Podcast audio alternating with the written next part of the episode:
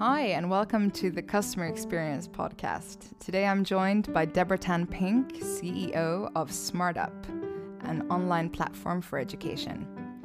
In today's episode, the pressure was on because she is also a podcast host. So I was a bit nervous, but I think that we had a really, really good discussion about online learning, the customer journey, and what COVID means for her business.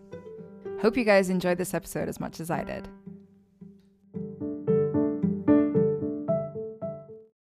Welcome to the Customer Experience Podcast, Deborah. Hi, hello. Hi, welcome. Uh, you're you're speaking to us from Singapore.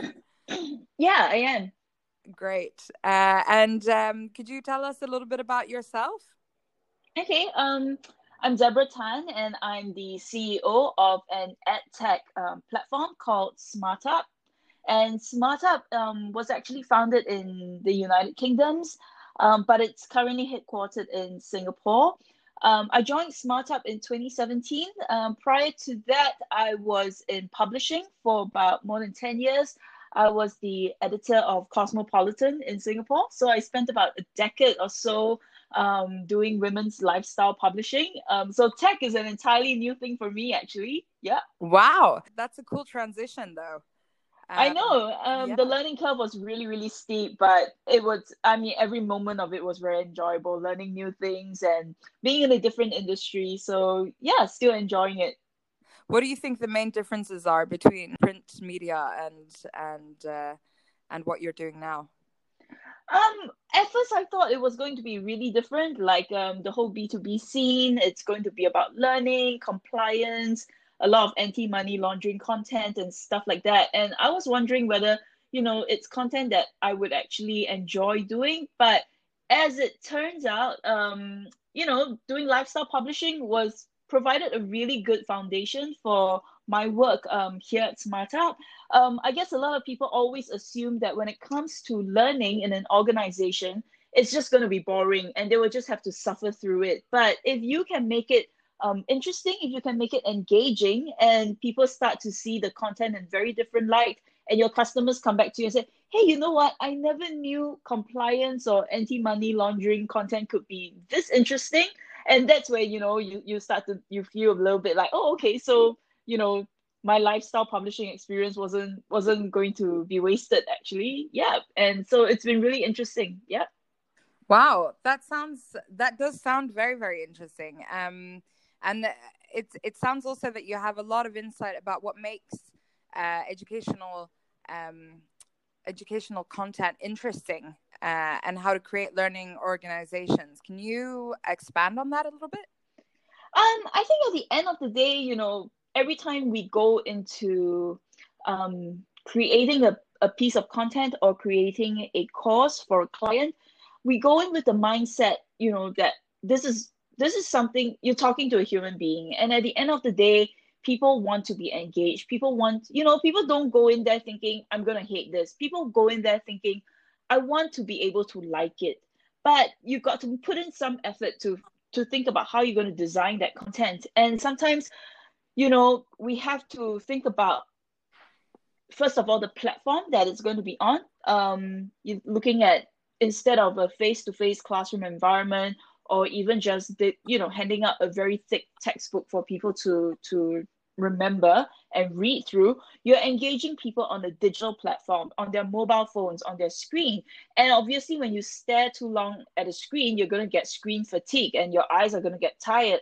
So how do you actually you know make it possible and make it more bearable for someone to look at all these content and feel like you know they still want to keep going after 5 minutes after 10 minutes and so the way we looked at it was that you know visuals are always going to to be to be one thing that that keeps people interested in a piece of content. So we add a lot of infographics to our content. Um, we have tried adding um, explainer videos animation um, on top of just regular text. On the smart platform you're also allowed to add quizzes and polls. So you know after a few important points we always add a a quiz card to test people for their knowledge or after you know somebody has left a very important message like the ceo is sharing his thoughts on what the future is going to be like after, for instance, COVID 19. Um, what you know what are your views do you agree with the ceo do you not agree with the ceo so you're constantly engaging people. And that you know and that's something like what we call a conversation right? Um you say right. something you allow someone to say something back you ask them a question and you give them a chance to give you their answers. So when it comes to uh, you know organizing our content that's that's how we that's the mindset that we go in with. And of course we also try to see it from the perspective of someone who's totally new to the topic right? Um we we see you know we look at the content and we go is there a lot of jargon? Can it be simplified? Um, can it be written rewritten in plain english so that the moment i pick it up and i look at it in five minutes i get the general concept and i i go away knowing how for instance um, uh, tort in law works or how you know civil versus criminal cases work for example Right, right. Well, that sounds like really actionable advice. I mean, what I'm getting from that is is that in order to make educational content really engaging, uh, there needs to be a visual interest. You have to have feedback and a conversation with the person that you're talking to, and also it, it there needs to be sort of a, a, a discussion about the the topic and making it simple and making it easy to understand. Um, yeah, is that is that basically uh, am i picking it up correctly? Yes absolutely. You get it all correct. Good. Well, I, I imagine that you guys are so busy now during uh, during this uh, covid-19 tell me about how how this crisis has affected your business. Um well we are we're very fortunate. You know um, right now there's a lot of focus on remote solutions whether it's working whether it's learning from home um, HR management system. So we do see um, an increase in leads and in inquiries about the platform. Um, yeah, so I, our sales team is very busy uh, answering all the phone calls and answering all the emails. Um, and obviously, for a you know we are a B2B solution, so this is going to the sales cycle is still going to take a while.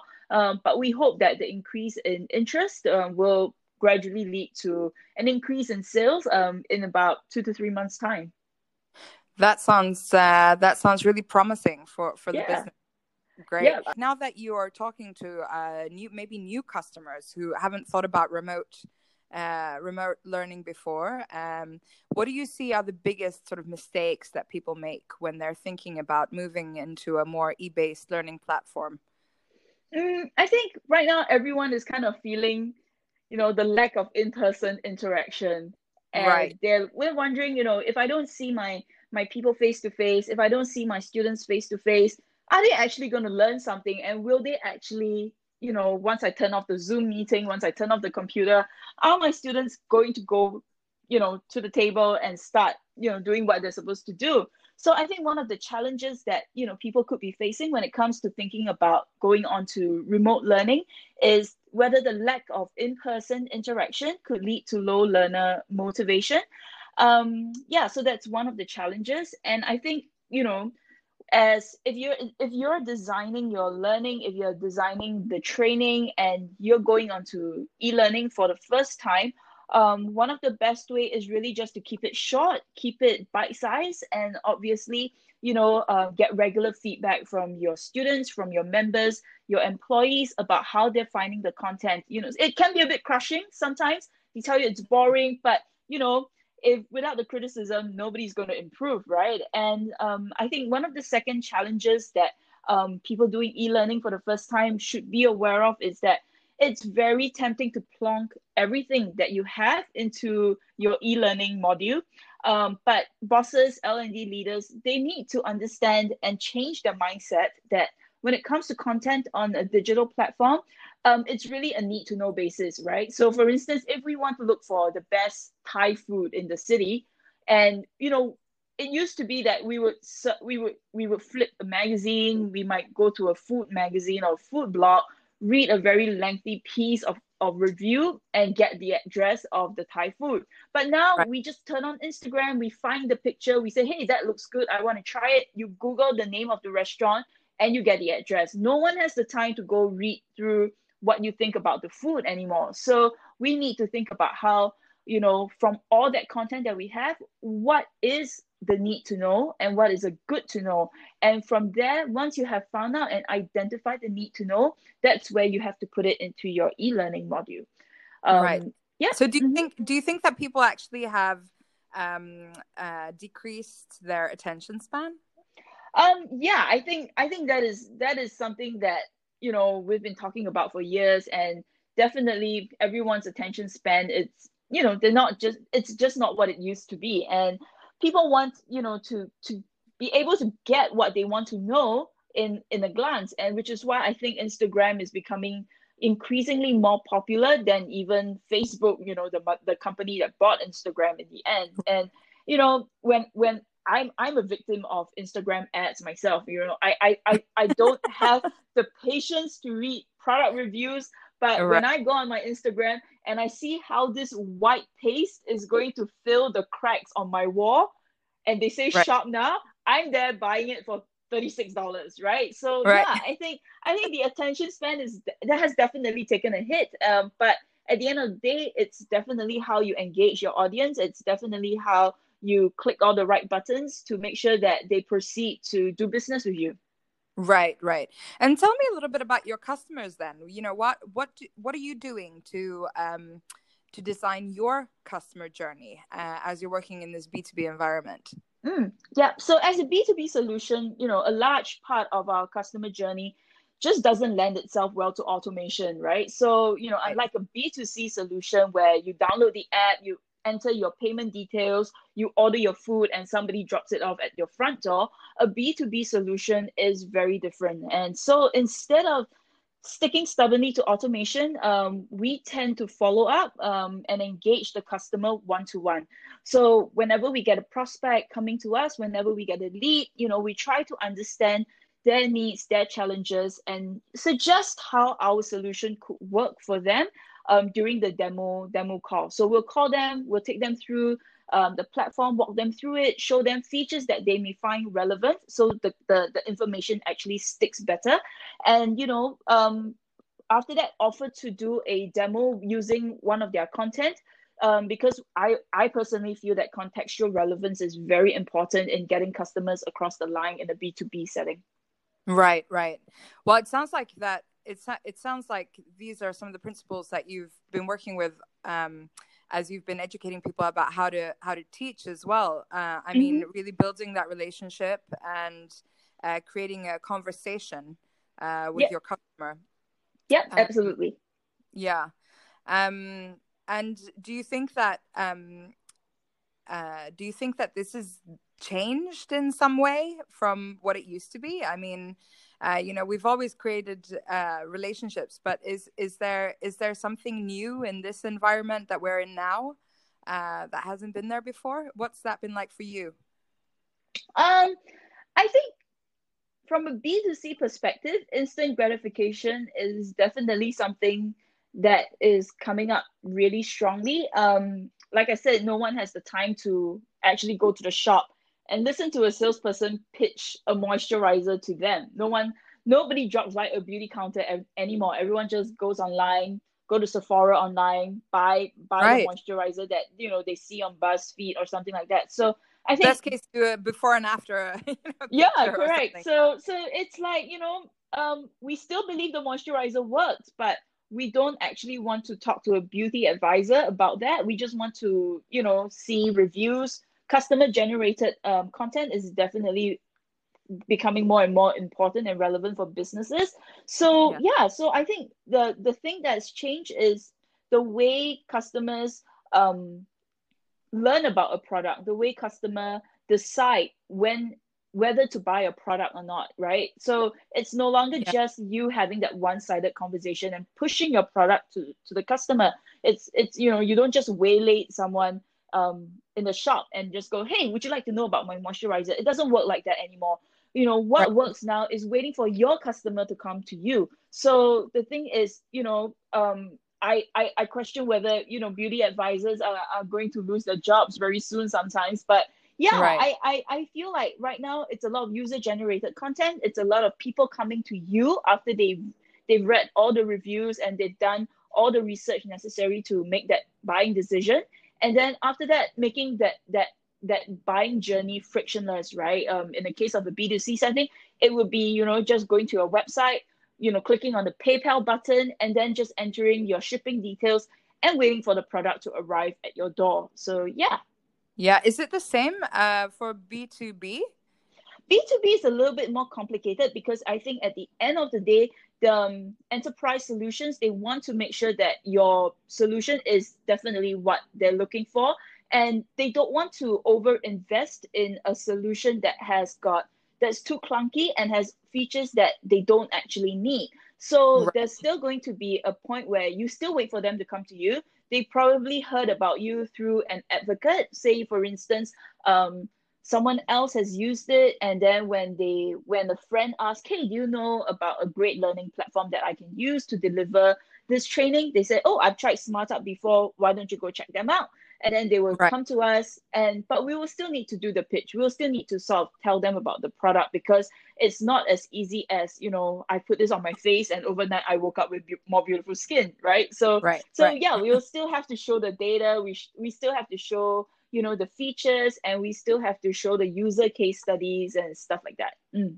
but it sounds like um, even though it's a little bit more complicated it still sounds like we're moving towards more kind of user um, review generated environment even for b2b i yeah. mean I, I mean we've experienced that as well. We're a b2b company as well. And and what we're seeing is that um, people are still doing that same type of research as they're doing b2c mm-hmm. Uh, and and uh, so I mean that puts a lot of pressure on us as um, as B two B companies.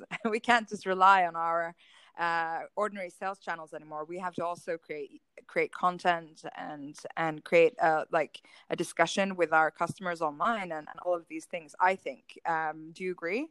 Yeah, engagement points. Um, you have to think of them not just you know one way and you the, the engagement points are so many these days right so you have right. to engage your customers on linkedin you have to engage your customers on instagram you have to find advocates key opinion leaders to talk about your product influencers for example for, for you know um for smartup as well we have a podcast um, mm-hmm. where we sort of interview leaders in learning so you kind of try to position yourself as a, a voice of authority in the field right. as well. So there's so many touch points that you have to think about, and all these because your customers are no longer just going to trust, say, a one-page ad that you take out in the newspaper. You exactly. know, they want to, yeah, they want to hear someone. They want to hear it from someone else who have used your product and your service, and they want to know whether you know it's some. It's even worth that one phone call you know that they, they want to give it they want to give you. Yeah. Yeah and it's about creating that relationship with the customer where they can uh, feel like they know you even before they've um, they've made that call mm-hmm. and and gotten the demo. Uh, yeah. I to- totally agree. Um, so what are your what are your predictions for the future then? Uh, what what do you think is going to happen next? What's next for you guys? Well i think you know when we talk about the future of learning you know it's very tempting to throw a lot of tech buzzwords, you know, around like AR, VR, for example. But at the end of the day, learning is still a human activity. And as humans, we want to be heard and we want to share what we know and we want to receive affirmation from our bosses, our peers, and our friends. So you can layer on as much tech as you want to the learning experience, but I think at the center of it all, it is still going to be about allowing people to create their own content and share their knowledge and to be rewarded for it by the end, you know, at the end of the day. Mm. Thanks. Yeah, that's that sounds that sounds reasonable. Um, mm-hmm. And what what we've seen a lot in I've been interviewing a lot of business leaders lately for the podcast and and just having really great discussions. Uh, just because we don't have very much else to do in these times. Um, but what what we're seeing is that a lot of a lot of people are moving towards really building stronger communities. Yeah. Um, customer communities and user communities and and is that something that you're seeing as well? Mm-hmm, absolutely. So one of SmartUp's um, key value proposition is that we bring knowledge, people, and communities together. So our platform is built so that each customer gets their own private community, private learning community, where you add your users, your students, your employers, your employees, you know, um, into a private community. And so it's it's almost like a co I would call it a co-learning experience. So Mm. the features that you know the features are universal, right? Like your co-working co-working space, where the ping pong table, you know, the beer on tap, the fancy furniture. These are all all for the members to use but at the, you know but each member gets their own private little space and that's what Mm. SmartUp is is is um is offering our customers as well um your own community um your own your own way of driving that learning driving that engagement amongst your own people and yeah at the end of the day it's all about just building up a community that's strong in learning that has the desire to learn and the desire to share knowledge Yeah. Um, I absolutely agree with that. I think that um, that cu- that level of customization is really Mhm. crucial to building a strong community. Yeah. Um, for sure. So, um, finally, what what are your best tips for somebody who's um, who's just starting up? How how would you advise uh, me as a as a as a business leader who really wants to create a learning company um, and a community? How would you advise me to begin? Well, first of all, there's no such thing as the right thing or the wrong thing to learn. So I think um, it used to be that when you join a company, they will give you the employee onboarding handbook. They will tell you what's the SOP for doing certain things, the company policies, for instance. And these are the things that you learn as a new employee. And then when you want to progress in your career, then there is a set um, knowledge or skills that you need to pick up in order to qualify for that promotion. But now, you know, as we move into a new age of learning, these are no longer going to be relevant. So, as a company, you need to understand that there is no correct or wrong things to learn. What we are seeing in a lot of corporates is that they actually set up a community uh, channel or a community platform for their employees to share random things, right? Like, say, for instance, if you're a new mother and you've just gotten back to work, then you can share things like, oh, you know, my breastfeeding struggles, for example, and how I overcome it. So people do want to learn things that's outside of the work context, but still Mm. it ties them together as a community at work. So do remember that right now we're moving towards a, a stage where there is no right or wrong thing to learn, even within an organization that's very focused on, say, um, insurance, banking, or even um, food delivery, for example. Right. And Right. the second thing to know is that you have to be invested in your people's development for their sake and not for your company's sake. So right now, you know, it used to be when we join a company, we we think about, oh, how can I contribute to the company's growth? And that is still important, no doubt. But when it comes to driving learning, when it comes to building a learning organization, um, people need to know that the company is just as invested in their development as they are in the company's growth. So I'm not going to be investing my time and effort and talent on a company that isn't invested in me. So when you introduce courses, when you introduce things for your employees to learn, you need to think about how it will benefit them, even if they are no longer going to be part of your company in five years' time, in 10 years' time, or even in six months' time, right?